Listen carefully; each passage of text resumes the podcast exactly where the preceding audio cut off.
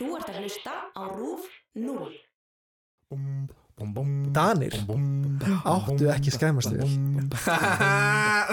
Ísland áttu skæmastuvel Mættir þarna þrjú ár eftir Já, líðmynd sko. auðvitað urðu Danir grænir að um Já, já, já, já, ok Já, já, já, ok Já, ok Já, ok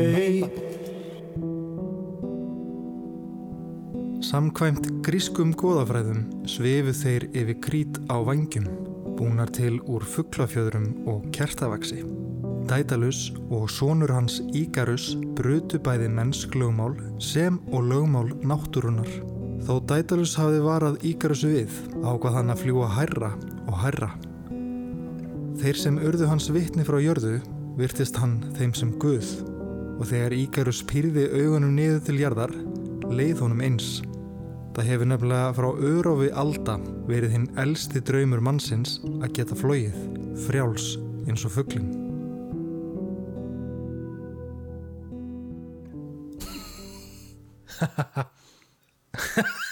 Jesus. Really, I did it again sko.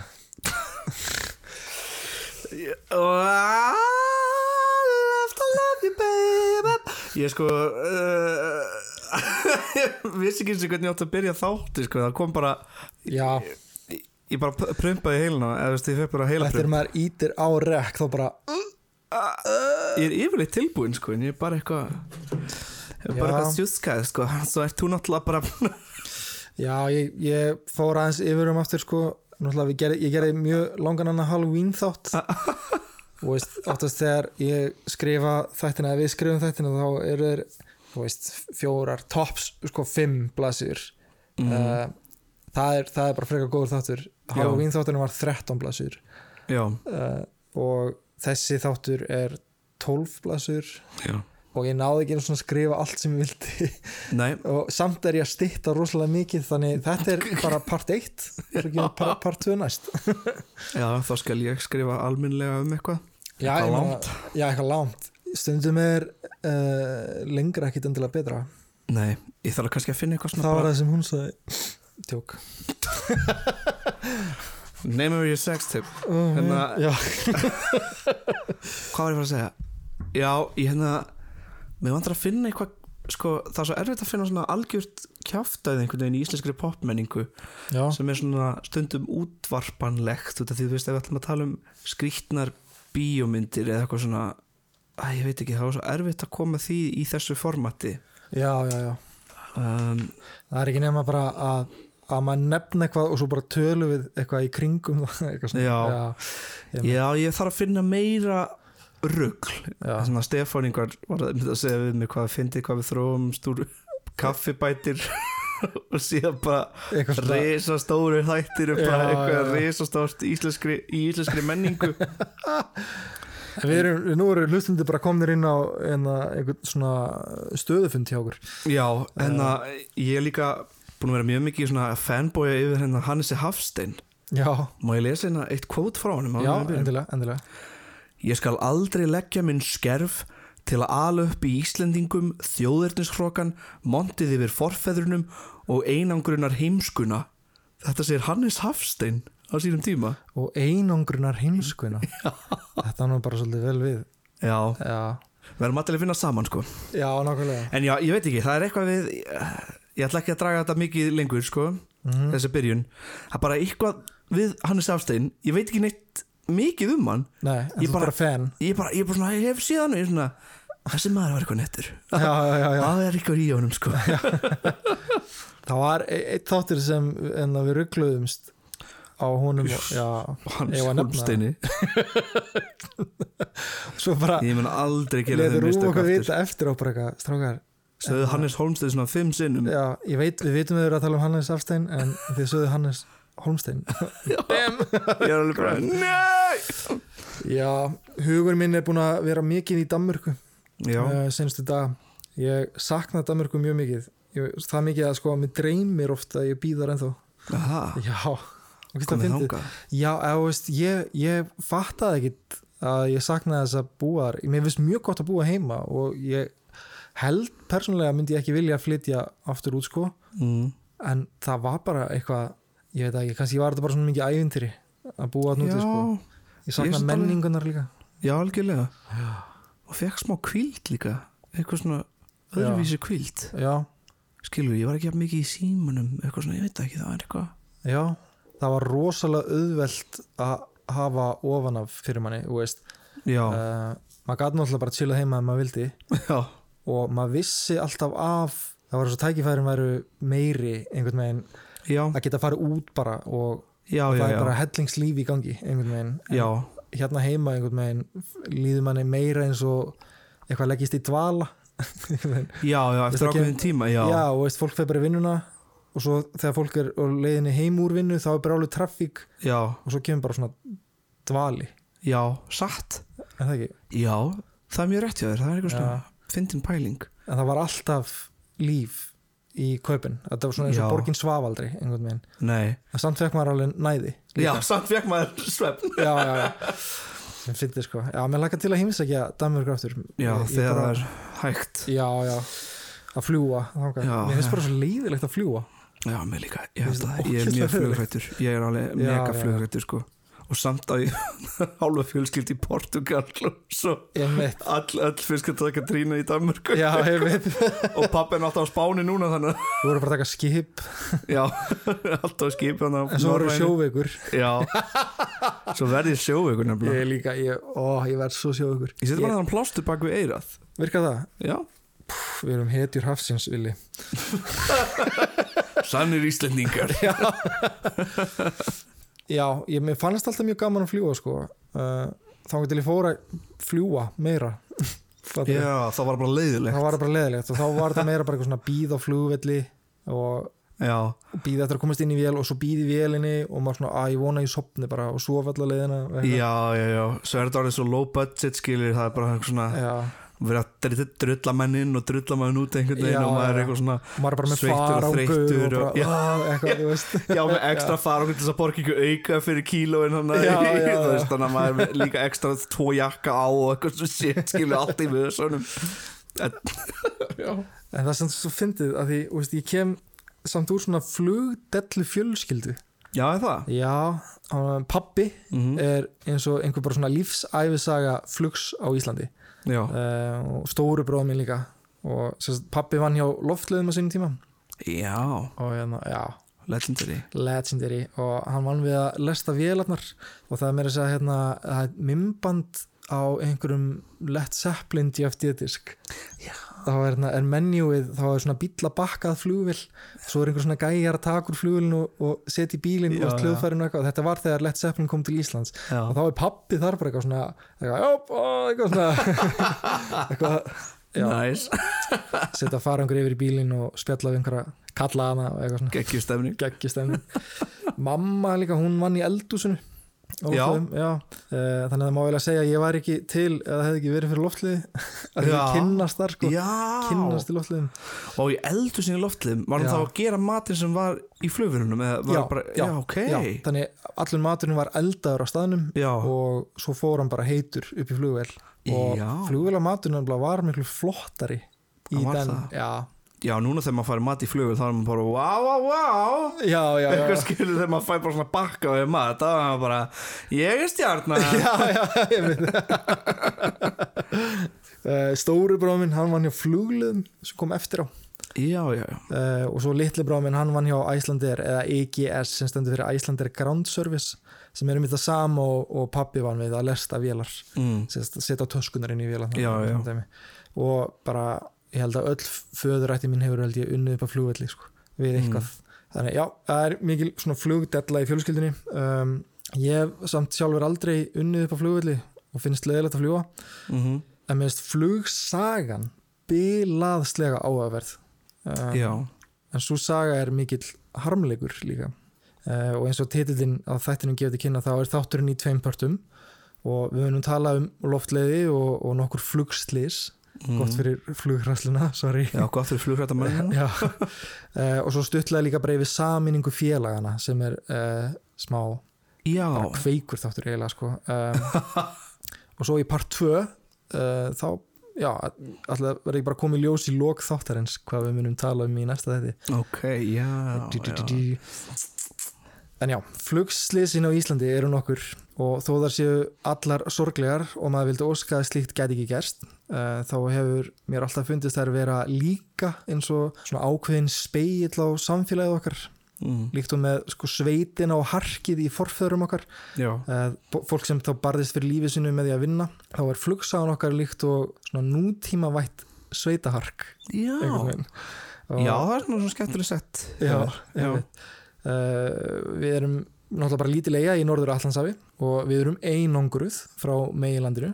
Landið okkar er þakið fjöllum klettót og illt yfirferðar. Mm ef það hefði átt einhver starf við að vera með flug innanland sem millilandaflug þá var það hér. Satt.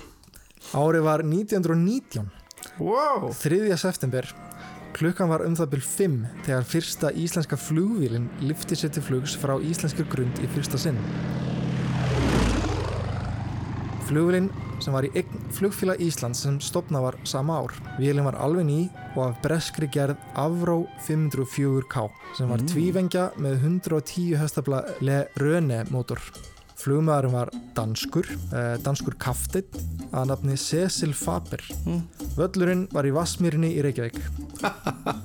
Auglýsingin hljómaði svo. Fyrsta aðal flugsýning á Íslandi fyrir fram á flugvöllunum í kvöld klukkan hálf átta. Kaftin Cecil Faber, stríðsflugmaður úr breska hernum, fer upp nokkra ferðir og flýgur yfir nágrinnið. Aðgöngum miðar fást á gödunum og nærri inganginum og kosta 1 krónu fyrir fullorna og 50 öyra fyrir börn. Hátíðin uh, átt að hefjast klukkan 8 eða hana, hálf 8 uh, og málega er að það, það gerðist bara nokkuð óvantur atbyrður uh, söður á flugvelli. Reynsluflugið var ákveð þá strax mm. án þess að nokkur vissi og óg Faber vélinni út á völl settist við stýrið og rendi af stað mm. þess að það var ekki komin áhörandi ákveðið þá aðeins fyrr Já, þannig að það já. var ekki náhörandi nei, nei, Já, já, ok og vélinn rann nokkra tíu faðma niður eftir túninu eins og allt sem flýgur upp á vatni stóð Já, í einhverju grein sem ég las. Og loks losnaði hún frá jörðu og smá hækkaði.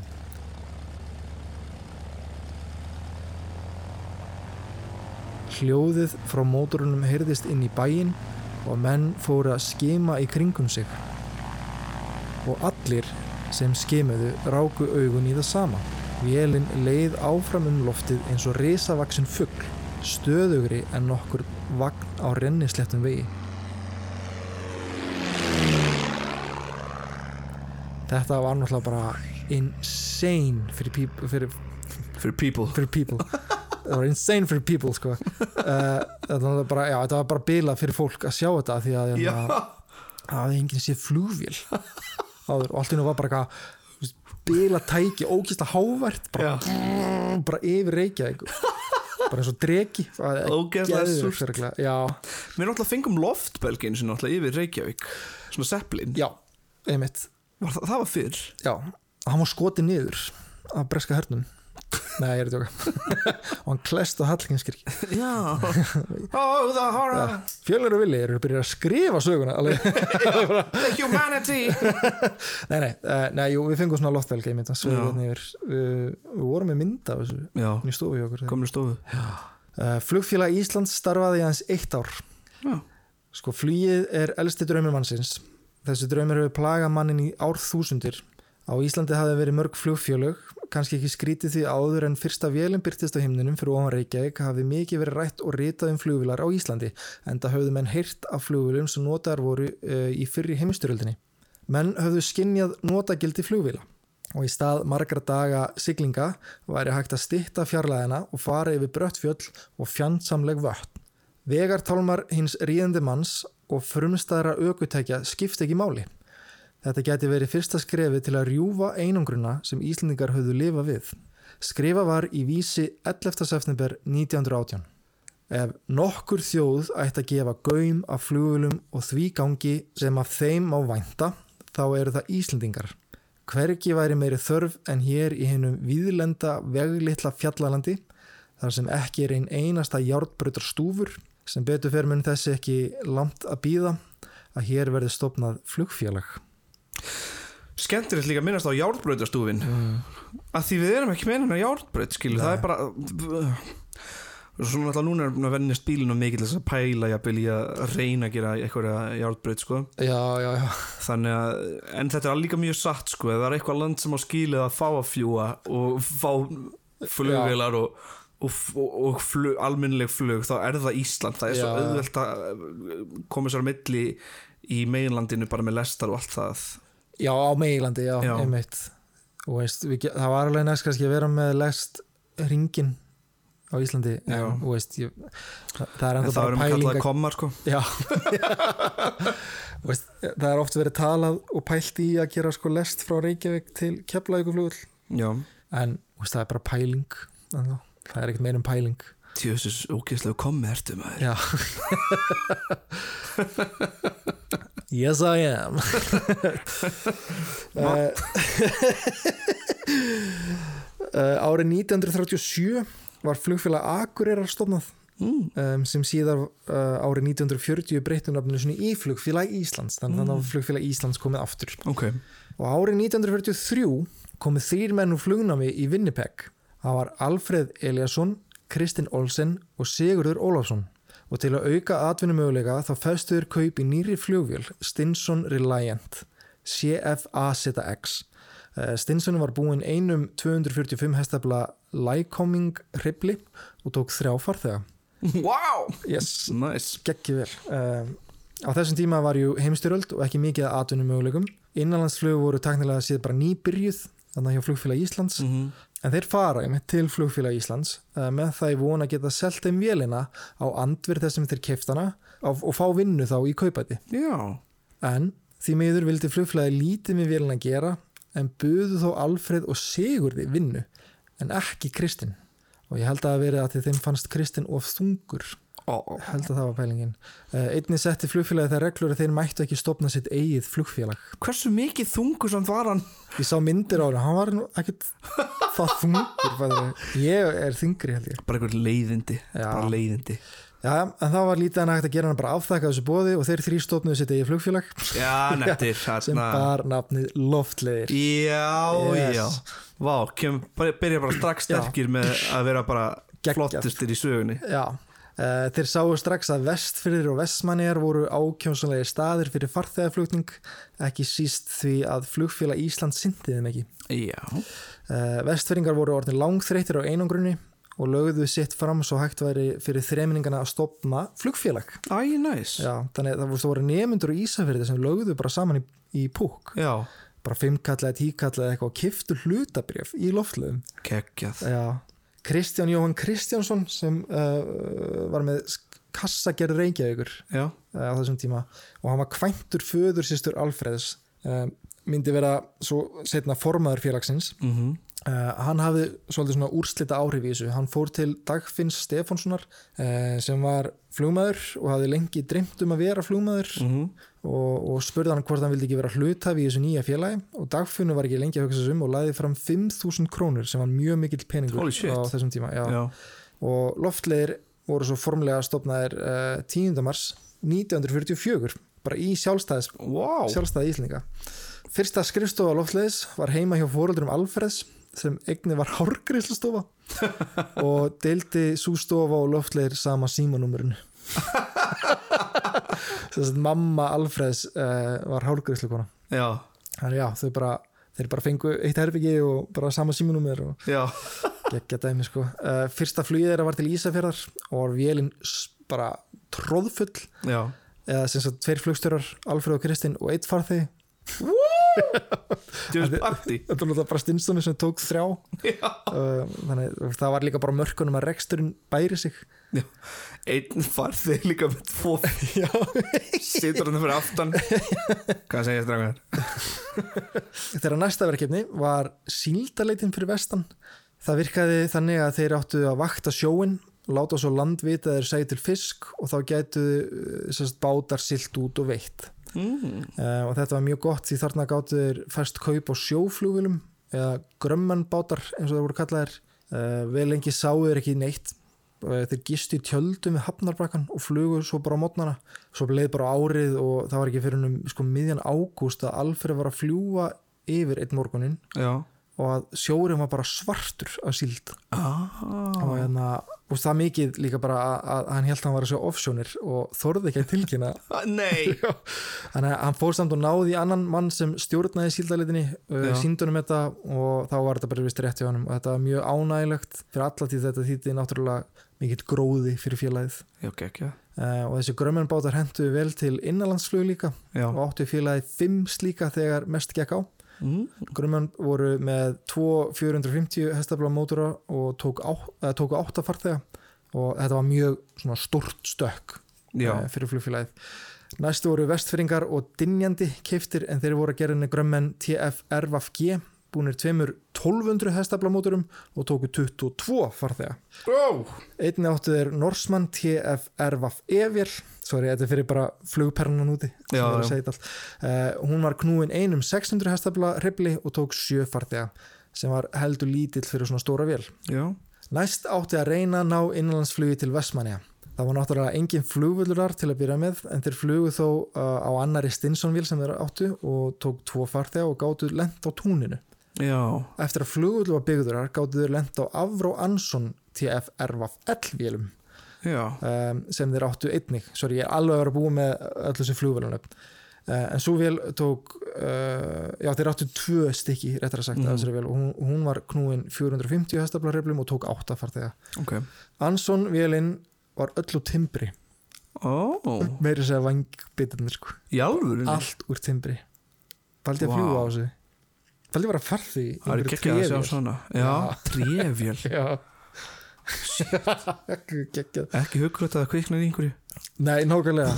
Og alltaf auðveld um, Það kom eins og fyrir það að Dagfinnur Stefáns var að fljúa frá Reykjavík til Vestmanneja á þannig vel að, með farþega að hann tekur eftir að bensínmælirinn fyrir að rapa fyrir eitthvað fljótt niður. Uh, og hann fyrir að líti í kringu sig og sér þá að bensínstrókurinn stendur upp á táknum þá hafði vist einhver glimt að setja bensínlokið aftur á hana þegar það var að vera að fylla á tankin og þá var hann líka beint á milli lands og eiga hann bara yfir sjónum þegar hann tók eftir þessu. Uh, hann nær þór til landsegjar og, og sér einhverja bændur út á túnni að vinna. Mm þannig að hann ákveður að lenda þar og bændurinn skildi ekki neitt. Lögðu bara frá sér hrífurnar og komu að til að aðtöfa hvort það var ekki allt í góðu og stendur dagfinnur út í vélinni og byður bara góðan daginn og fer eitthvað svona að spjalla við bendnar og læðist svo fyrir aftan vélina finnur bensinlokið danglandi á veistu, utan á vélinni, Já. Festir það aftur og lokar bensintangnum og segir svo bara við bendnar hvort að hann er ekki bara að fara að halda áfram og eitthvað svona, hvort það maður ekki fara að tíja sér og tekur svo bara aftur á loft og lendir í Vestmannum og bara engin farþegi var aldrei var við neitt og hvað var í gangi? Og held, ég held ég ekki bændurnir heldur. Nei. Þannig að vissi enginn á þessu bara held og hann bara svona hvað redding þetta, hjá að vera honum, svona yfirvegaður. Já, já, já Þetta er, þetta er hérna Ég veit ekki hvort það sé rétt hjá mér Mér finnst þetta smá svona íslenskt líka. Mjög íslenskt, já. Já, já, hvað Jæja. Þetta er nú allt í lagi. Það er bara að vera heia hérna. já, Ég held að ég ætla nú bara aðeins að slaka og... þetta er reddast. Þetta er reddast. Herru, næst voru fest kaup á Douglas DC-03 vélum. Mm oftast kallaðir þristar. Uh, hún var skýrð Helgafell til heiðurs Vestmannum -hmm. Helgafell er náttúrulega fjallið Í Heimaey? uh, já, í heimæ uh, gaus ekki úr, út, ekki úr því heldur fyrir heldur sprakk. Já. Við skulum einhvern veginn gera þáttum heimægagósið Er það? Það Það er að koma vetur fyrir Ég veit ekki hvort við þórum alveg að skella þáttum. Um þetta bara náttúruhanfarir elgós á Reykjanesi þegar við tölum um það sko. Herri, við skulum ekki gleyma samt að, að það var annað ríkistyrt flugfélag í gangi flugfélag Íslands mm sem þeir eru í samkeppni við á þessum tíma. Já, já. Uh, máli bara að með svona fyrirtæki eins og loftleðir að, að það var bara svo mikil samheldni hjá fólkinu sem vann hjá þeim. Veist, að voru bara allir að gera sitt besta og, og sumið meiri segja voru þarna bara allan sólaringin og gistu bara í sveppákum og vinnubekkjum og veist, allt bara halda, til að halda vélunum úti einhvern veginn. Já, já, já. Og það var alltaf svona rosalega góður starfsandi hjá Já. loftleðum og, og var bara alla tíð í sögu loftlega mm og af því það var líka svona mikill uppgangur í fyrirtækinu þá vantaði fleiri flugvirkja. Og yfir flugvirki í loftlega Halldór Sigurðansson setti bara stopt sinn eigin flugvirkjaskóla árið 1947 kendi fullt af fólki fekk námið viðurkent af flugmálastjórn allt af áhuga. Vá, hann tók ekki krónu fyrir það paldi og meðan hann var að vinna sem flugverki var hann að kenna flugverkjan frítt, útskrifa fullt af flugverkjum og það var bara að því að vantaði flugverkja þá bara bjóð hann til flugverkja minnst að brjála. Þetta er bara ótrúlega fallegt líka bara fyrir landið sitt einhvern veginn. Nákvæmlega, þetta er svo mikil uppbygging Já. í landinu líka sko. Og einhvern tímann í lok setni heimstyrildar var Alfreð Eliasson stattur upp á Keflavíkurflugvelli þegar hann sá flugvél parkurið fyrir utan. Eh, það var þá Douglas DC-04 eða fjarkin, svona skæmastirvél mm og hann hefði aldrei séð svona stóra vél áður og hann fekk að stíga inn í hana og bara annan eins dansal hafa hann aldrei séð. Uh, skæmastirvélin getur borið 44 til 80 farþega. Uh, knúum fjórum uh, 1450 hestafla hreplum og flýgur á 207 miljonar hraða í 10.000 fetum. Vá. Um, sem var, þetta var bara undratæki miða við tíman Já, já, já. Um, og hann, hann hugsaði með sér að loftleir urðu að eignast svona tæki og þegar það fréttist svo að loftleir var að fara að kaupa svona skæmastirvél Mhm. uh, og fyrstu þá skæmastirvél Íslendinga bóðaði forstjóri Eimskip sem var einnig stjórnaformaður flugfélag Íslands Alfreð á fund mm. og Alfreð var spurður á fundinum hvort þetta væri satt þegar þeir var að fara að kaupa skæmastirvél Já, og Alfreð svaraði játandi og þá spyrjaði nú, og, og hvað er allir að fá pening fyrir því? Og þá svaraði Alfreð að, hann mætti bara rólegur því þeir ætluðu sko ekki að stela neinum peningum af einskipsfélaginu þeir heldur bara væri, þeir ætluðu að ná peningur ríkissjóð til að kaupa þessa vél en, en, en málið er bara að þeir voru aldrei ríkistyrtir. Til að gera langarsögu stutta þá fara Alfreð og Kristján Jóhann Kristjánsson út til bandarækjana og festa að kaupa svona vél. Það þurfti náttúrulega henni heim og fullt af fólki kefti sér flugmiða frá bandarækjunum til Íslands. Já, Já. En fyrirtæki sem tók að sér að innrétta vélina dróðu verkefnið eitthvað á langin þannig þau þurfti að leia aðra vél frá American Airlines til að fljúa fólkinu heim. Það var árið, uh, árið 1946, 10. september. Það var fyrsta farþegarflugi millir bandaríkina og Íslands. Já, Árið 1947, 14. júni, kom skærmestivélinn heim. Þetta voru stór tíðindi fyrir okkar unga líðvildi. mm. Vélinn var skýrð hekla. Þessi kaup eru mjög merkileg þáttaskil í, í samgöngusögu okkar. Ekki bara voru loftlegir komnir í fórustu með flug samgöngur í Íslandi heldur líka í Skandinavi. Já Bara geðveikt fljótir að stækka. Já, já, já 7. júni var fyrsta flugið eh, tekið til Kaupanafnar. Geggjað Engin hjá loftlegum hafði réttind á vélina. Þannig Þannig þeir réðu mann að nafni Byron Moore til að kenna þeim á hana.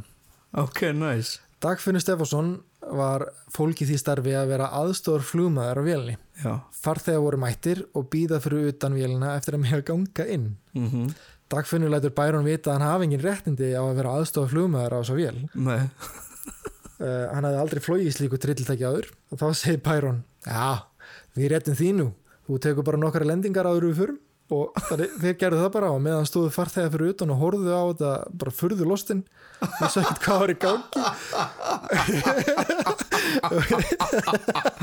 Tjekka á þessu.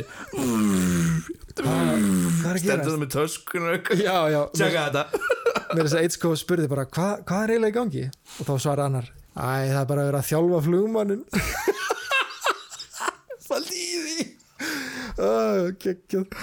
Líka smá íslenskt Danir áttu ekki skæmastu vel. Ísland áttu skæmastu vel. Mætti þarna þrjú ár eftir. Já, líðvöldi sko. auðvitað urðu Danir grænir að öfund. Uh, þeir eru það öfundsjúkir að í hvert skipti sem loftleiði voru að fljúa til köpmunarnar já. þá kveiktu þeir ekki á lendingaljósunum á flugbrytinni Nei! Jú að þau þurftu bara að býða og bara svona ringsóla í loftinu eftir að SAS-vél myndi koma og lenda. Og myndi við lenda bara strax á eftir henni áður en myndi slökka á lendingaljósunum This is hálfvitar maður. Pældi í því.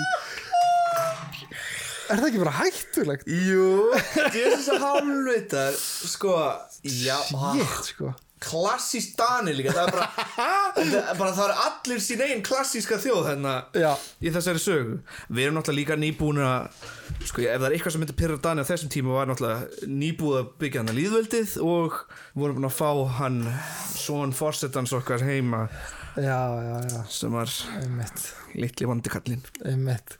Hvað hétt þátturinn? Djöfisins hálfvita maður en að það hétta bara ekki íslenski nazistinn hérna, þannig. hétta Björn Sveinsson Björn Sveinsson Björnsson Prófa að skróla niður í, í playlistunum. Þetta er geggjað þáttur, sko. Já, þetta er mjög áhugaður þáttur Herru, það var alltaf mikil barátt á milli flugflögi Íslands og loftlega. Uh, loftlega voru að færa sig meira yfir í millilandaflug en flugflögi Íslands átti innilandsflugið. mm. Uh, á þessum tíma ríkti náttúrulega mikil gjaldirisöft. Uh, það var að vera að skamta fólki.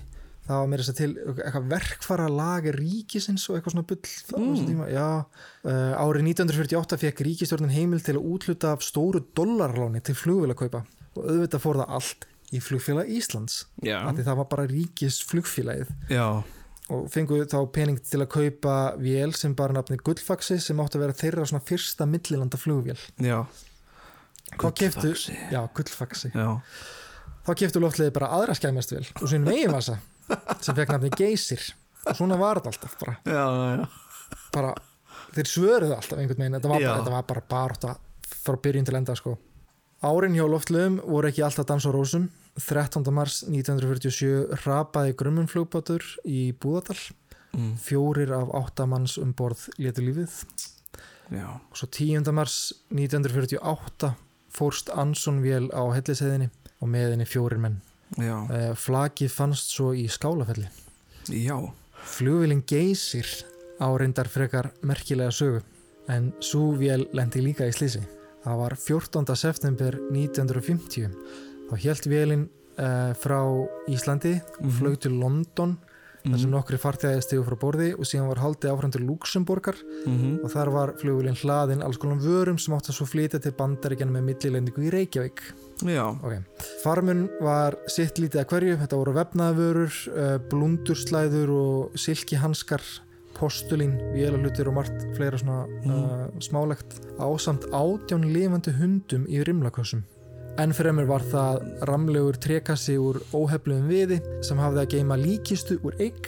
Uh, á málumplötu og loki hennar var skráð Esther Perry 1904 til 1950. Geysir lagði af stað frá Luxemburg klukkan hálf fimm á íslenskum tíma. mm. Áhafnameðlimir voru Magnús Guðmundsson flugstjóri, Dagfinnur Stefánsson flugmaður, Einar Runálsson vélamæður, Guðmundur Sívertsen loftsyklingafræðingur, Bolli Gunnarsson loftskeitamæður og Ingi Gerður Karlsdóttir flugfræja. já, Plani var að þegar komið var til Reykjavíkur átt að taka elsnæti og skiptum áhöfn. mhm, Áallaði Magnús flugstjóri að lenda í Reykjavík tíu mínúndum í, uh, eftir miðnætti.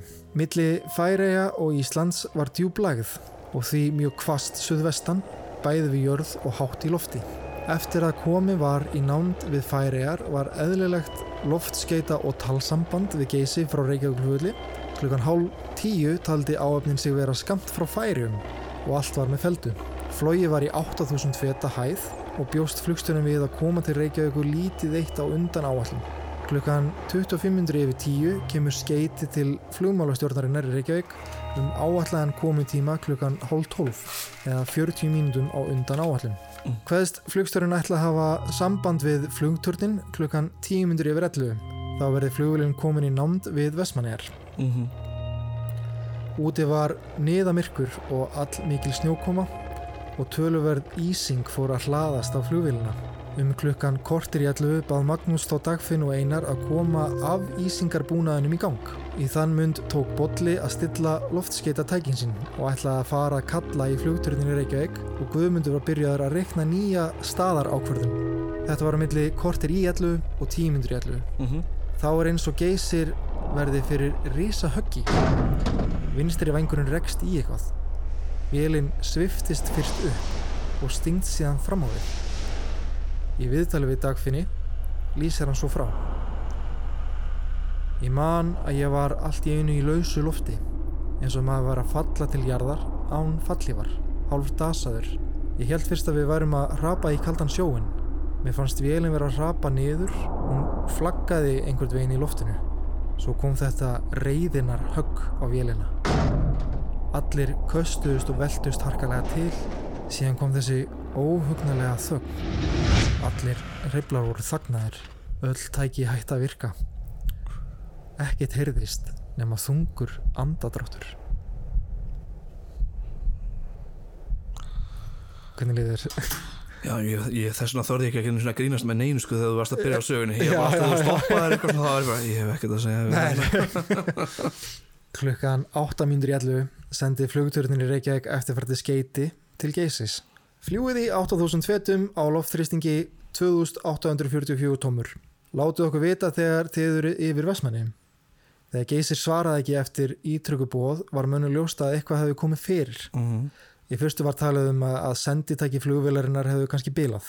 Í þeirri vonum að móttökutæki varu lægi, tók flugturnin að senda út blind. Það er að, að senda með jöfnum millibili veðurskeiti og Mhm. upplýsingar um flugskiliri. Jamt framt uh, hóf útvarstöðin á vassenda að senda stöðugan tón uh, ef Mm. vera kynni að flugvélinn geti miða sig eftir honum Já, já, já. Uh, þannig liðu mínútur eina vannari án þess að nokkuð spyrðist til geysis. Nokkur mínútum eftir miðnætti, förstu daginn 15. september, þótti sínt að eitthvað slís hefði hent geysi og var nú líst yfir neyðarástandi á flugleið vélarinnar og öllum flugumferðastöfðum uh, við norðanvert Allandshaf tilkynnt um hvarfennar. Já, Björgunarflugvél frá Keflavíkurflugvelli var fyrst til að hefja leitarflug. Það var klukkan 7 mínútur í eitt eftir miðnætti. Um svipaleiti var flokkur manna frá kirkjubæðaklustir lagður að stað til leitar niður á Sanda mhm, en landsímastöðin hafði fljótlega upp úr miðnætti verið beðin að reyna að vekja upp á símstöðum á söður og söður strönd landsins til að byggja um að senda út leitarflokka. já Klukkan 13 mínútur yfir 2 fyrir svo eitt flugbátur loftlega vestfjörðungur í loftið með þeirri áhöfn sem átt að taka við áhöfngeisis og fljúa áleiðis til New York. Ég leita, leita flugulni í þeirri leið. Já, já, já Uh, nokkru á eftir vestfjörðingi er Gullfaxi frá flugfélag Íslands og aðrar flugfélag byrjar að leita. mhm, Upp úr því eru fjölmarki leitarflokkar komnir af stað víða og þau skip sem eru stödd í hafinu á því svæði eh, sem talið var að geysir hefur verið eru beðin um að svipast um eftir vélni. Menn vissu að geysir hafði elsniti sem nægi átti til eh, flugs til klukkan 5 um nóttina en flestir óttuðust þó að vélinn hefði farist mhm og þegar umrættur tími rann út þóttu augljóst að flugvélinn gat ekki verið á lofti og jáfnfram tali líklegast að geysir hefði annarkvort trapað í sjóun eða reykist á fjall. Frá því í nótt hefur verið leitað árangurslaust á landi og úr lofti að geysi millilandaflugvél flugfélagsins loftleiða. Samband rofnaði við flugvélina á 12 tímanum í gerkvöldi en þá átt hún að vera komin í nánd við Vestmanneigjar á leið sinni til Reykjavíkur frá Luxemborg. Vélinn var í fraktflugi og sex manna áhöfnum borð. Síðast var haft samband við vélina klukkan 22.25 í gerkvöldi og taldi áhöfnin þá að hún væri að nálgast ströndina og hugðist hafa aftur samband klukkan 23.10, 20 mínútum fyrir áætlaða lendingu. Eftir það hefur ekkert til hennar spurst, ljóst er að hún hefur steifst í sjóin, reykist á fjall eða henni verið nöðlend. Í byrtingu fór átta íslenska flugvilar af stað og þrjár björgunarvilar af keflækuflugvili. Veður var sæmilega bjart en þoka yfir austanverðu hálendinu og niður í hlýðar vatnajökuls og því erfið leitaskiliri. Ídraleg flugleit var því ekki komið við þar en þess í stað leituðu menn á söðurstundinni og langt út á haf, alls 95.000 ferkilometra svæði. Allt austur til Færeja og þaðan 60 sjómílu söður af venjulegri flugleið til Íslands og 100 sjómílur norður. Á sama tíma eru enn fleiri leitaflokkar komnir af stað á landi til að ganga fjálsleðina. Leitin stendur allan daginn án árangurs. Kvöldið sem geysir týndist töldu menn í Papey sem er eh, sest, eiga við austuströnd Íslands. Já, Eh, Papey, já, og, og mörgum og voru bæjum. menn þar bara Já, greinilega. Ok. Ég veit ekki, jú, kannski er Það er náttúrulega nokkar eigir á Íslandi sem fólk bjó í sko alveg þangað til stutt síðan sko. Sko ég hef aldrei komið austur á Ísland sem er bara hallarislegt sko. Ég verð að fara en ég held að sé hús, einhver hús á þessari eigu sko. Já, það er líka sko, það var líka Málmei sem mjög mikið fjölskyldum bjó, byggu í. Já, uh, sem ég hef reynd að rannsaka fyrir þátt en mér finnst bara ógeðslega erfitt að finna út úr því sko, því það er annarkvort skrifa mjög lítið um Málmei já, uh, mjög lítið um það sem ég vil læra um. Já, eða þá er alltaf verið að tala um Malmi sem Malmö í Svíþjóð já, er svona, já, en það eru svona nokkrar eigur hérna á Íslandi sem fólk bjó í. Tölva mín er alltaf að fara alveg á miljón já, Shit. hún er svo spennt. Já, mjög spennt. En já, ég, sko, þetta er mjög hallarlegt að vita þetta ekki en, veist, ef að einhverjir hlustundur vita af þessu betur en Mhm. við uh, endilega láta okkur vita. Ég veit ekki hvort að fólk búa Papey í dag. Ég tel Svo það ólíklegt með Já. við Malmi sögu sko, þá Já, hefur fólk hætt að nenn að búa í einhvers svona eigum já, já. sem eru ekki tengd að landi með einhverjum öðrum hætti. En já, það voru allan að á þessum tíma voru hann menn á Papey og, og í mörgum bæjum í Áltafyrði, Mhm. eistra uh, og sögðust hafa heyrt í flugvill já, og það var 16 ára drengur í Geithellnum uh, hann heit Ólafur Einarsson hann taldi sig hafa séð bregða fyrir ljósklætu allhátt í lofti á að giska yfir miðjum botni Áltafjörðar og Mhm. hvaðist hafa fylst ljósbjarmanum með augum um stund þetta mun hafa verið um klukkan halv 11 ok Þegar svo kvarf geisis fréttist þar um morgunin lætur Elias Þóransson bóndi á Starmýri flugturnin í Reykjavík vita af þessu. Fannst mönnum þetta frekar ótrúlegt. já, Engin önnu flugvél átt að hafa verið á loftinu á þessu svæði þetta kvöld mm. og hefði þetta verið geysir merti það að hann hefði verið komin um, um sko 100 sjómílur af leið já, wow samt þótti ástæði til að kanna þetta nánar og var Elís beðin um að, að manna leitarflokk til að kanna fjallendið upp frá botni Áltafjörðar mm. Voru leitarfluglugar beðnur um að lenda í Áltafjörði og, og spyrja nánar út í það sem, fólk sem bjóðar eh, hvað þau heyrt. Niðurstaði þeirra rannsóknar var svo að, að það var sko, lítill sem engin vafi um þetta væri satt. Ok, Eftir þryggja daga ákafa en árangurslösa leit eru vonir um að einhver af áhöfn geysi sé á lífi orðnar mjög veikar. Fólk í Áltafyrði heyrði til flugvélar kvöldi sem hún týndist og er því hugsanlegt að sterkir vindar hafi borið hana allmikið af leið og hún flógið mun norðar en áhöfnin taldi og að öllum líkindum reykist á fjall. Eh, beindi þetta nú aðtegli manna mjög á ákveðnum svæðum á hálendi landsins. Um miðja þennan dag fara menn egni uh, til leitar frá Geithellnum, Múla og Djúbói, en ekkert finnst. Laugadaginn 16. september er áfram leitað, allt frá byrtingu og fram á kvöld og nú á eh, 15 flugvilum og tveimur skipum ásamt því að flokkar manna ganga á landi. já, Þrjár flugvilina voru meðalans frá Keflæk og ein úr danska flughernum. mm Svæðið sem var farið yfir er um 150.000 ferkilometrar á stærð. Stærstu vélunar könnuðu hafsvæðin, minni vélunar fóru aðalega yfir landi og þær smæstu reyndu að kanna gil og skorninga í fjallaskorðum. -hmm. Sunnudaginn 17. september er mönnum því ljóst orðið að geysir hefur flóið yfir Áltafjörð kvöldið sem hann týndist og þóttist nú víst að flugvélinn hefði mögulega nöðulend eða reykist á vatnajökul eða fjöll norður eða austur af honum. já Leitin var því beint inn á það svæði eftir því sem hægt var. mm Á mánundaginn 18. september eftir hvað er margir dagar liðnir hérna síðan hún brotlindi, sorry hvað ég spyr ég uh, við erum komin hvað 18. september flugvélinn, þetta er fjóri dagar. Fjóri dagar maður. Já, þannig að já, já.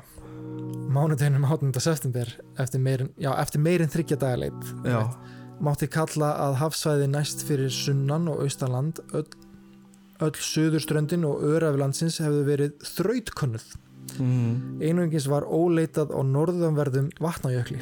Já. en þar hafði ekki gefist bjart veður til leitar þegar hér er komið sögu er, er almennt álitið að geysir hafi farist með allri áhefninni og enga líku taldar á að einhver hafi komist af Nei. en leitin er samt haldið áfram Hinn 18. september voru leitaflokkar bæði á Vatnajökli og í Grend hans þegar svo fregn barst að Kristján Júliusson, lofskettamæður á varskipinu Ægi, hefði upp úr hátinu þann dag naumið vikt neyðarkall frá geysi. ó, Skipið var þá statt út af skálum á Langanesi. Í fyrstu heyrði lofskeitamæðurinn Veik SOS-merki uh, á Morsi já, á 600 metra bylgjulengt. Þetta var þá klukkan kortir yfir eitt. já Littlu síðar, 3500 yfir eitt, er byrjað að senda út skeiti auk SOS-merkja frá sömu stöð á sömu bylgjulengt. ok, Tókst honum fyrst að greina stafina, það var C-E-E-R og síðan samfelt Q-T-H, Unknown, All Alive. Í fyrstu gætt Kristján Lofskettumæður engu veginn ráðið C-I-E-R en Q-T-H eh, er hins vegar eh, alþjóða skamstöðun sem þýðir staðar ákvörðun. Já, Merkið þess sem lofskeitamæðurinn hafi numið var því staðar ákvörðun ókunn. já, Allir á lífi. næs Uh, klukkan 12 mínútur í tvö nær hann loks kallmerki stöðurinnar. Það var þá TVAF RVAF C. Nú var ekki lengur um að villast, þetta var geysir. mm Klukkan kortir í þrjú greindi hann svo orðið yesterday úr Já. merkjunum og, og lofskeitastöðin á seyðisfyrir namn tvö orðu þessu sama skeiti over us. Er hann að byggja um óskalög? Já.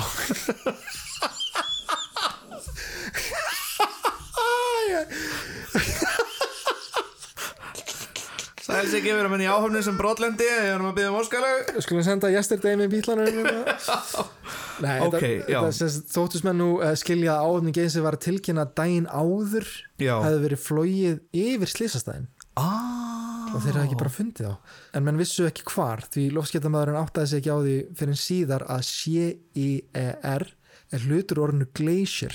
Já. Sem er ekki náttúrulega bara jökull. Auðvitað Skeiti Geisis voru samstundins tilkynnt flugturðunum í Reykjavík. Vestfyrringurinn sem þá var nýlendur á Reykjavík eftir árangurslösa leit fóru strax aftur loftið uh, eftir að tankar hafði verið fylltir af elsniti. Næs Þegar vestfyrringurinn kom uh, vestur undir í vatnajökul, vélinn vestfyrringur, sorry, sáu flugmennir að bjart var yfir norðurhluta jökulsins en þar hefði verið þoka allt frá því að geysir týndist og erfiðast að leita á þeim slóðum vegna þess mm. Ákvað flugstjórun að fljúa yfir jökulun og kanna hann nánar. Þegar vélinn er að sveima yfir borðabungu, nýrst á jöklunum, blasti flag geysis allt hínu við augum og sex manneskjur á ferli þar í kring. Ó Þegar áöfnin vestfyrðings hafði fullvisa sig um að geysir var í fundin, sendi lofskeitamæðurinn svo hljóðandi skeiti til flugtörtsins. Við höfum fundið TFRVC á vatnajökli, allir á lífi Næs og skömmu síðar sendir hann annarskeiti býðum yfir staðnum þangað til flugvilar koma. Já Þessi fregn barst á svipstundu um landið og harmur íslensku þjóðarinnar snerist í einu vettfangi í ákafa gleði. Já Fánar voru dregnir á húni og það ríkti hálgerð þjóðháttíðarstemning. Já, já Ekki liðið marga mínútur frá skeiti vestfyrðings þar til spjald var sett út í glugga í kaffistofunar eh, í austustræti og á því stóð Geirsu fundin, ókipis kaffi. Æ, Fleirir veitingahús uh, gerði þið sama. Æ, næs Mm. Og hvað hugulegt Nú á fjórða degi leitarinnar að geysi hafa þau ótrúlegu og gleðilegu tíðindi farið eins og eldur í sinu um landið að allir í áhöfninni séu á lífi. Veikt neyðarkall heyrðist frá flugvilinni en síðan byrti til yfir vatnajökli og sást flak hennar á bárðarbungu í norðvestanverðum jöklinum. Þetta gerðist um miðjan dag í dag. Þykir með ólíkindum að allir skuli hafa lifaslýsið af því að flugvilinni hefur verið flogið á meira en 300 km hraða þegar hún rak annan vangin og síðan skrúfurnar í jökulinn, stiftist yfir sig og rann á kvolfi eftir jöklinum þar til hún standnæmdist. Björgunarsveit var sendt út en mjög erfitt var að komast að slísastað leiðin bæði löng og ekki hægt að komast að jeppa alla leið. Lagt var að stað frá Reykjahlíð upp úr klukkan uh, 5 um nóttina. 19. september 12 klukkusundu síðar uh, um klukkan 5 að degi til. Er leiðangur komin upp uh, í Kistufellskrika það er að segja mellir jökulrandarinnar og Kistufells Já, og þar slá menn upp tjaldabúðum og hafa bækistuð sína já. Voru þá 170 km að baki og ekki hægt að koma bílum lengra. Tveir leiðingusmannana voru sendur upp á jökulun til að taka mið á slýsastað og merkja leiðina þangað og komið þeir aftur í tjaldabúðunar um kvöldið. Já, Sama kvöld kemur búið frá Keflauguflugulli til yfirstjórnar leitarinnar um að bandarski herin sendi DC-03 skíðaflugvél til að sækja áfnina á geysi á jöklinum ó næs ákveðir að þykja bóðið en bandarska flugvélinn er þá á Grænlandi svo hún verður ekki komin til keflaugu fyrir um klukkan fjögur næsta dag. Já, Ápt Geisis hafði áður verið sagt frá þessu, þessari fyrir áallana og hún jafnframt beðin um að merkja flugbreyt og jöklunum. já Bara Lendingin, vinsamlegast Já. Skellið inn á flugbreytina. Eftir að hafa verið búin að vera tínd í þrjá daga Lending skeiðaflugvélinnar uh, tekst með ágætum og innan skamst er áöfning Geisins komin um borð albúin til heimferðar. Um klukkan 6 er flugtak reynd en það mishefnast.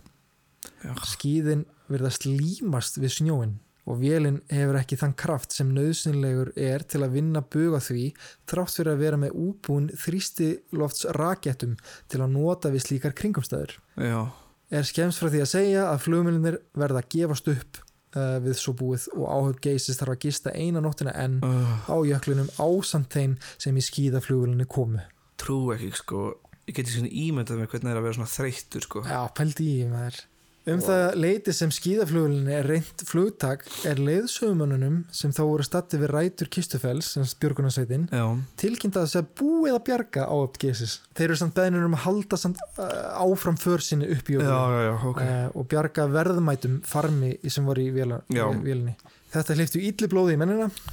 Eitt þeirra, Haugur Snorarsson, ritaði síðar um þetta eftirfærandi. Hann segir, virtust þeir sem málum styrðu í Reykjavík ekki gera sig greint fyrir því hver aðstæða var þarna til björgunar og það væri aðeins meðal spásartúr að ganga 20 km á skýðum á bungu vatnajökuls. Já, satt Þess að spás er að því þeir að, að ganga rólega. Já, já, bara pása chilla róle- Rólegan göngutúr. Jésús er nú rætt um að, að snúa við og halda til byggða. En þegar síðar um kvöldið er varpa niður tilgengunum að björgunarflugið hafi mishefnast mm og björgunarsveitin beðun um að halda áfram. Er þá ákveðið að ráðast til eh, uppgöngu á jökulinn þegar byrjaði að byrta. Klukkan fjögur næsta dag komuð þeir loks að slísastað. En þá var björgunarsveitin búin að gangi í tíu klukkutíma. Jésús Fólki kom á mót okkur og heilsast var með faðmlögum.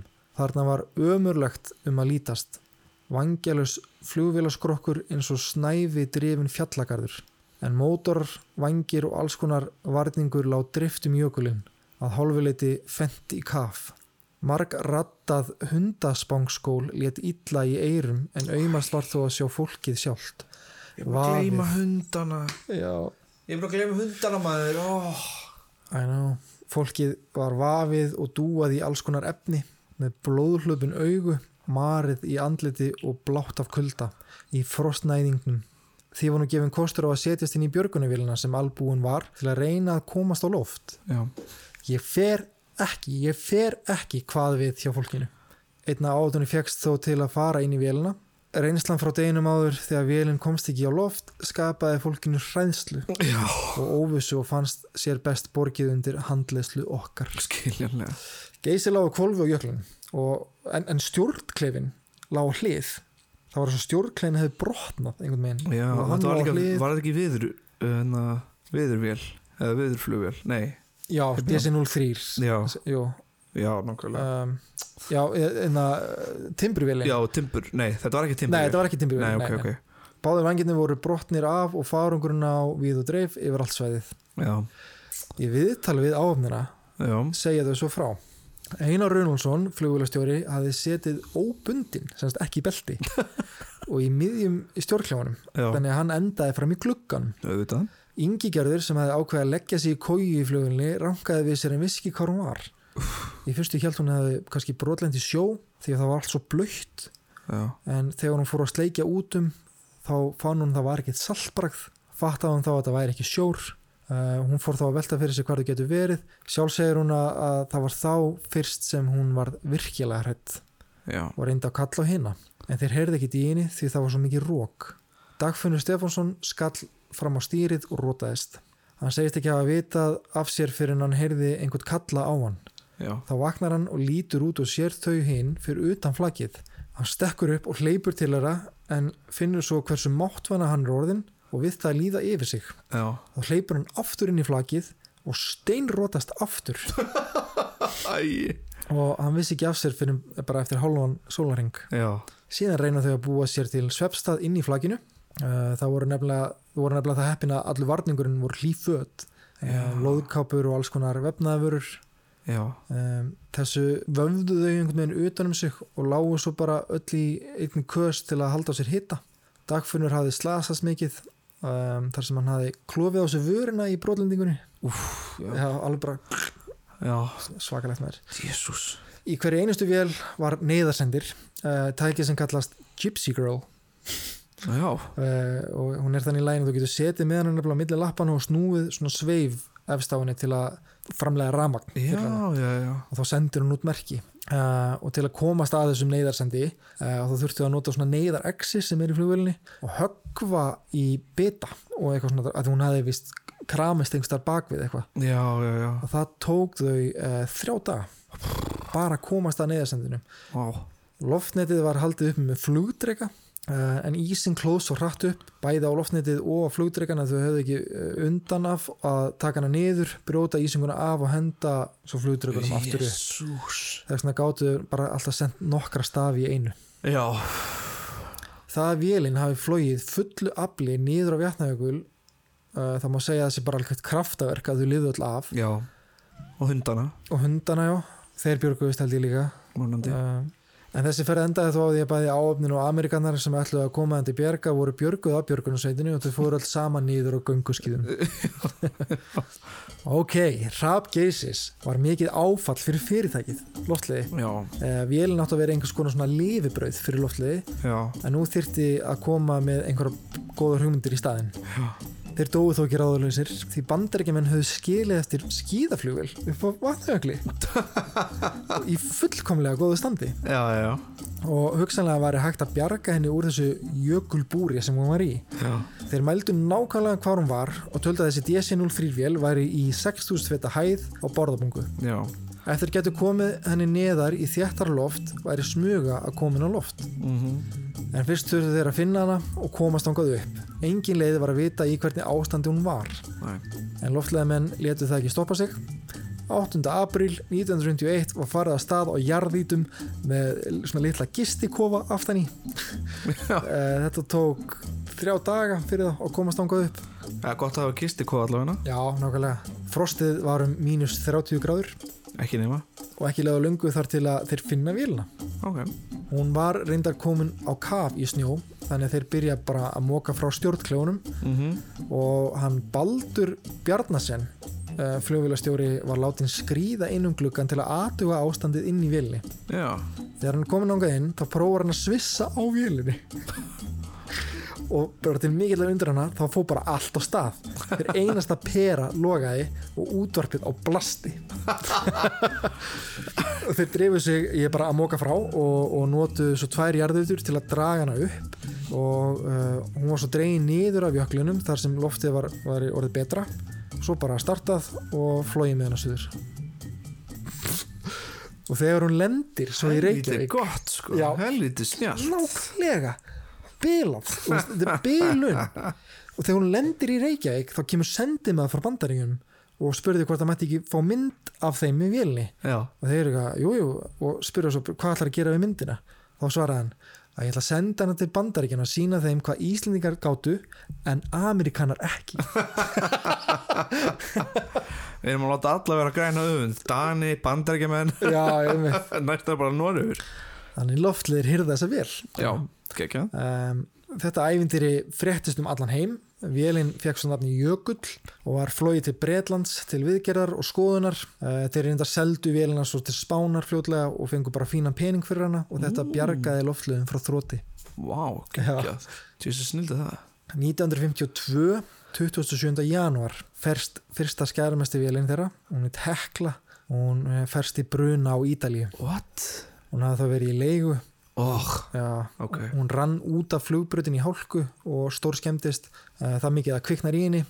Uh, fólk slapp þó lífs af. Já, heppilega. Uh, 2009. januar gefur Björn Ólafsson samgangur á þeirra skiptingu flugfélagana á innanlandsflugi þar sem að hlutu loftlega var svo lítill að það hafi þýtt 2 miljón krónu tap á ári fyrir þá. Mjög mikil peningur á þessum tíma. Já, þannig það var ekki annað hægt en bara að klippa þann streng og hætta innanlandsflugi og leifa bara flugfélagi Íslands að eiga það ó, já, já Öllum var sagt upp hjá loftluðum án samræði Alfreðs. oh, Sem betur fyrir náði Alfreð að stoppa það og festi svo bara kaup á nýri skæmestri vél í staðinn sem fekk einnig nafnið Hekla. Þá var öllum ljóst að eitthvað þyrfti að gera til að tryggja framtíð félagsins. Já, þetta er eitthvað sem maður myndi að segja góðust langri king shit King shit, sko. Já, Og til að gera langa sögu stutta þá var maðurinn nafnið Sigurður Helgason fenginn inn í félagið sem var að formaður. Hann hafði áður verið forstjóri orku já, og var held ég bara svona góð fjárhagslega hjálp uh, á kaupum nýra vélar. já, já Félag Íslands mátti eiga innanlandsflugið, heimurinn var orðin aðal vettvangur loftlega. Loftlegið var fyrsta lággjaldar flugfélag í heimi. Já, Hvernig þið fóru að því skapaði einnig mikinn rík hjá öðrum erlendum flugfélögum og voru þeir jafnvel taldir sem svikarar af því þeir þurftu að brjóta nokkra reglur hjá uh, alþjóðasambandi flugfélaga eða IATA sem þýðir bara uh, International Air Traffic Association já, já. önnur flugfélög voru svona nefnilega skuldbundin að taka ákveðin gjöld út af IATA Mhm. sem loftleir gerði ekki. Já. það voru nefnilega klöfur í samningnum sem loftleiði nýttu sér. En samt í honum stóð að, að flugfélög ættu ákveðin frelsisrétt. Frelsisréttu nummið þrjú hljóma svo. Flugfélag má fljúa til heimalandsins. Frelsisréttu nummið fjögur hljóma svo. Fljúa má frá heimalandi. Já. frelsisréttu nummið fimm hljóma svo aðeins eitt flugfélag í hverju landi má fljúa á milli tveggja annar landa með því að nýta sér frelsisrétt þrjú og fjögur en ekki fimm myndi þeir sleppa við ákveðin gjöld þeir eru bara að passa sig að fljúa alltaf aftur heim til Íslands Já, já, já. uh, veist ég, já, einmitt, eftir að Já. hafa flogið til annar landa að Já. fljúa bara aftur til Íslands Já.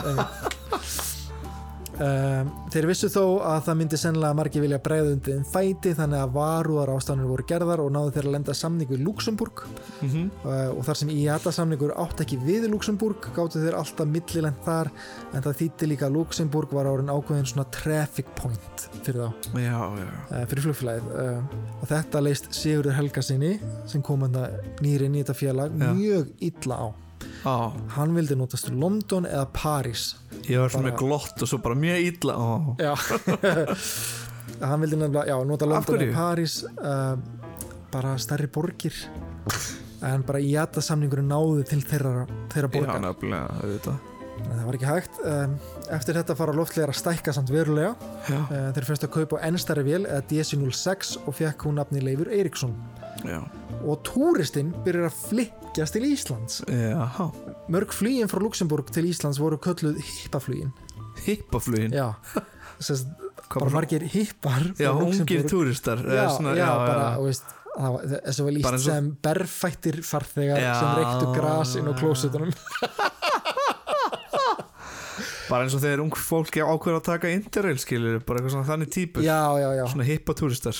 en það var í hérna, heimildumynd uh, semst æfisaga Alfreðs þá var Mm. verið að tala um einhver sem bjó í Luxemburg talaði um að túnin var að fyllast af hippum út á loftliðum í Luxemburg líka uh, loftliðið byrjaði svo með stoppbúrplön Já. uh, það þýtti sem sagt að, að ef þú varst að millilenda á Íslandi uh, gastu valið hvort þú heldur áfram eða stoppaðir og gastu valið í 24 tíma, 48 tíma eða 72 tíma. Ah. og svo buðu þeir einhvern upp á rútuferði fyrir túrista og svona sightseeing um landið. Sagt er að 25% af ferðamönnum á þessum tíma voru á vegum loftlega. Já, þeir voru bara, þeir voru bara uppafið á þessu öllu. já, næsti farið að byggja skrifstofur fyrir loftliði Já. risa hús við flugvöllin í Reykjavík. Og sama tíma festi þeir kaup á tveim enn stærri vélum en þær heita CL44 mótorinnir voru framleitir af Rolls-Royce og fengu loftlegir sérstak leifi til að merkja stélið á vélunum með Rolls-Royce sem einhvers konar táknum gæði. Já, já. Uh, einhver kom svo og sá vélina og sagði Vá, þetta er bara algjör monster. Og fengur þá vélarnar viðunefni Monsarnir og voru alltaf kallaðin Monsarnir. Monsarnir Monsarnir. Já, Og hvað fyndið, nútildags er það svona, æ, Monsi minn, eitthvað já, svona. já, einmitt Ég held að ég hafi hildi notað þetta orð, Monsi. Monsi Já, já, já.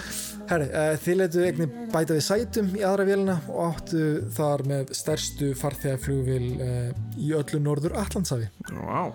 Jesus. Því miður var flugvöldunni Reykjavík of lítill fyrir þessar vélar þannig að loftlæðamenn bjóða ríkinu lán Þess- eru tilbúin að lána ríkinu Já. svo ríki geti stækka flugvöldin Já. en ríkið afþakkaði lánið Af hverju?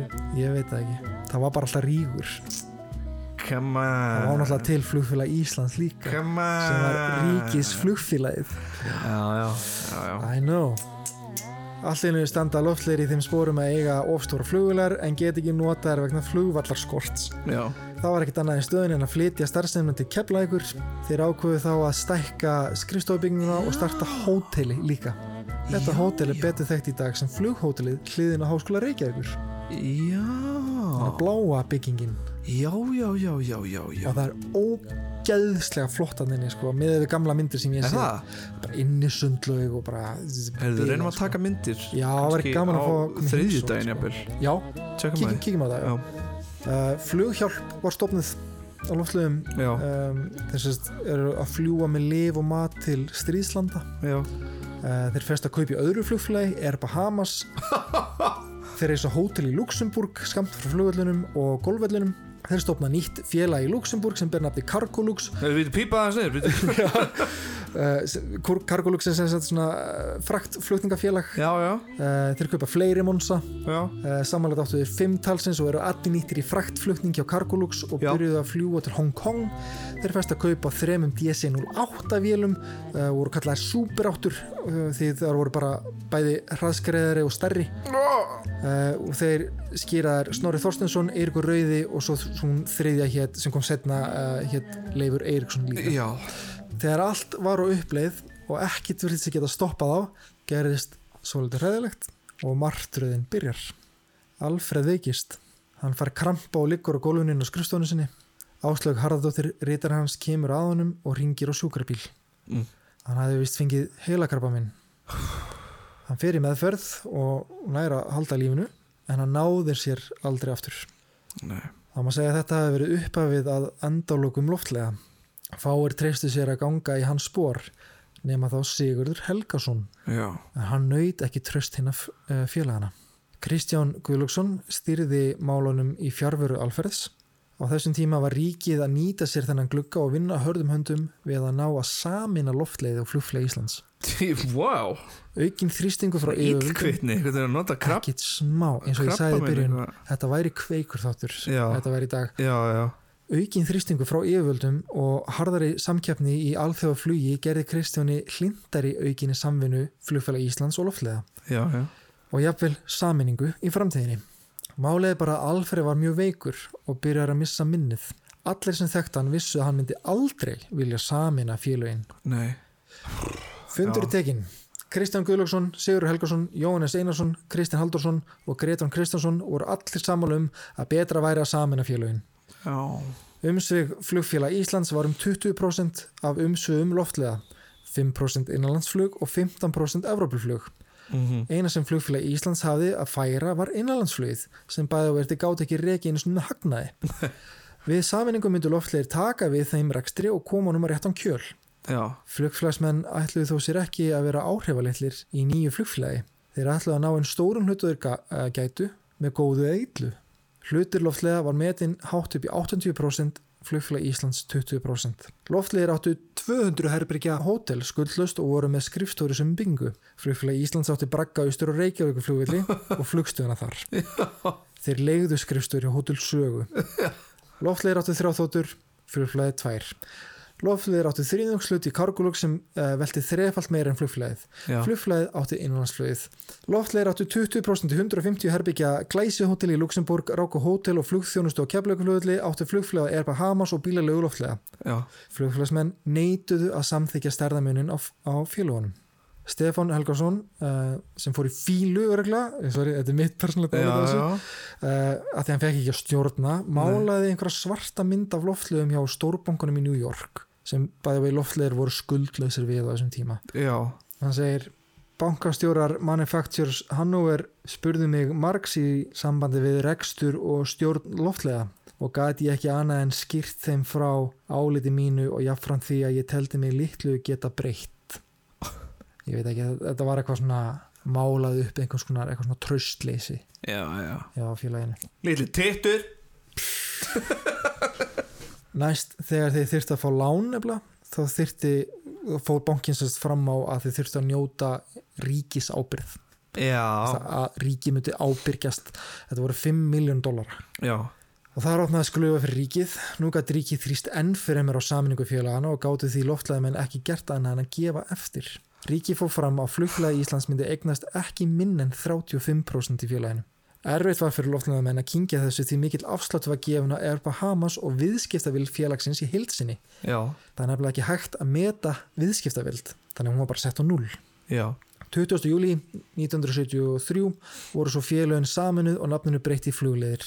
ok Starfsfólk flugfélag Íslands færi sig yfir í loftleðabygginguna og þurfti þá að fara á stækka bygginguna og byggja aðra eins byggingu og var nú fyrir. já, Nefna hvað, svo gerist það sem maður sér allt og oft í íslensku dómskerfi að nefndin sem kveða átt um eignaskipti félagana var allt of sein í verki. já 7. februar 1976, þremur árum setna hvað hún loksis upp dómin. Niðurstaðan hljómaði svo. Flugfélag Íslands átti 46,5% af samanlæri eign félagana en loftleir 53,5%.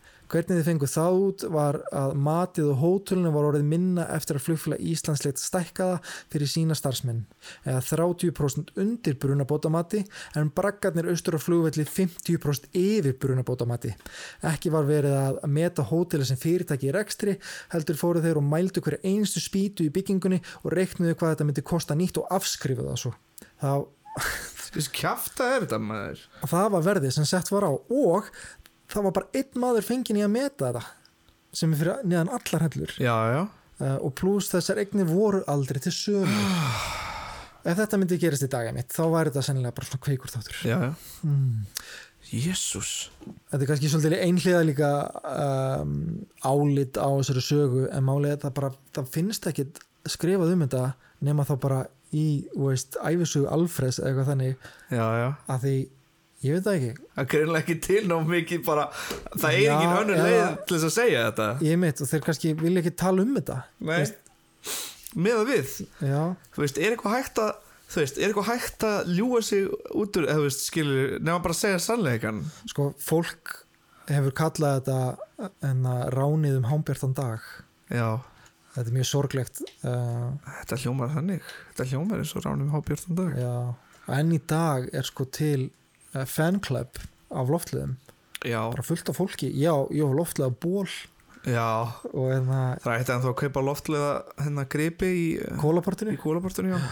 Mér finnst mjög gaman að kólaportinu. Ég er oft núna að kíkja ánga út af myndsögnun og svona Já, sögnunar áráttunum minni. Ég ætti að byrja kannski að safna loftlega hlutum, Já, það var mjög gaman. Það er eitthvað til sölu. Helviti dýrt já, en ég hef mjög gaman að þessu sko, Já. leðilegt að fljúa en ég er gaman að þessu. Þetta er náttúrulega geggja sko en herri, sagan heldur áfram. Uh, flugleðir eru komnir til starfa. Þar sem loftleðir höfðu greitt farvegin fyrir millalandaflugi í Luxemburg þá var nóg að gera. Já, flugleðum tókst að semja við indonesiska flugfélagi uh, Garuda. Ok. Um að annast flutninga pílagríma millir Jetta og Surabaya. Ok, wow, já það var svo 15. november 1978 þar sem flugleðir voru á leið til Sri Lanka í Kolumbíu þegar eitt mannskjæðasta flugslis í Íslands sögunni átti sér stað. Svo saga er líginni líkust og á skilið heilan þátt. Þannig fylgist vel með í næsta þetti Já, já, já, ok. Já, já, já, ok. Já, ok. Já, ok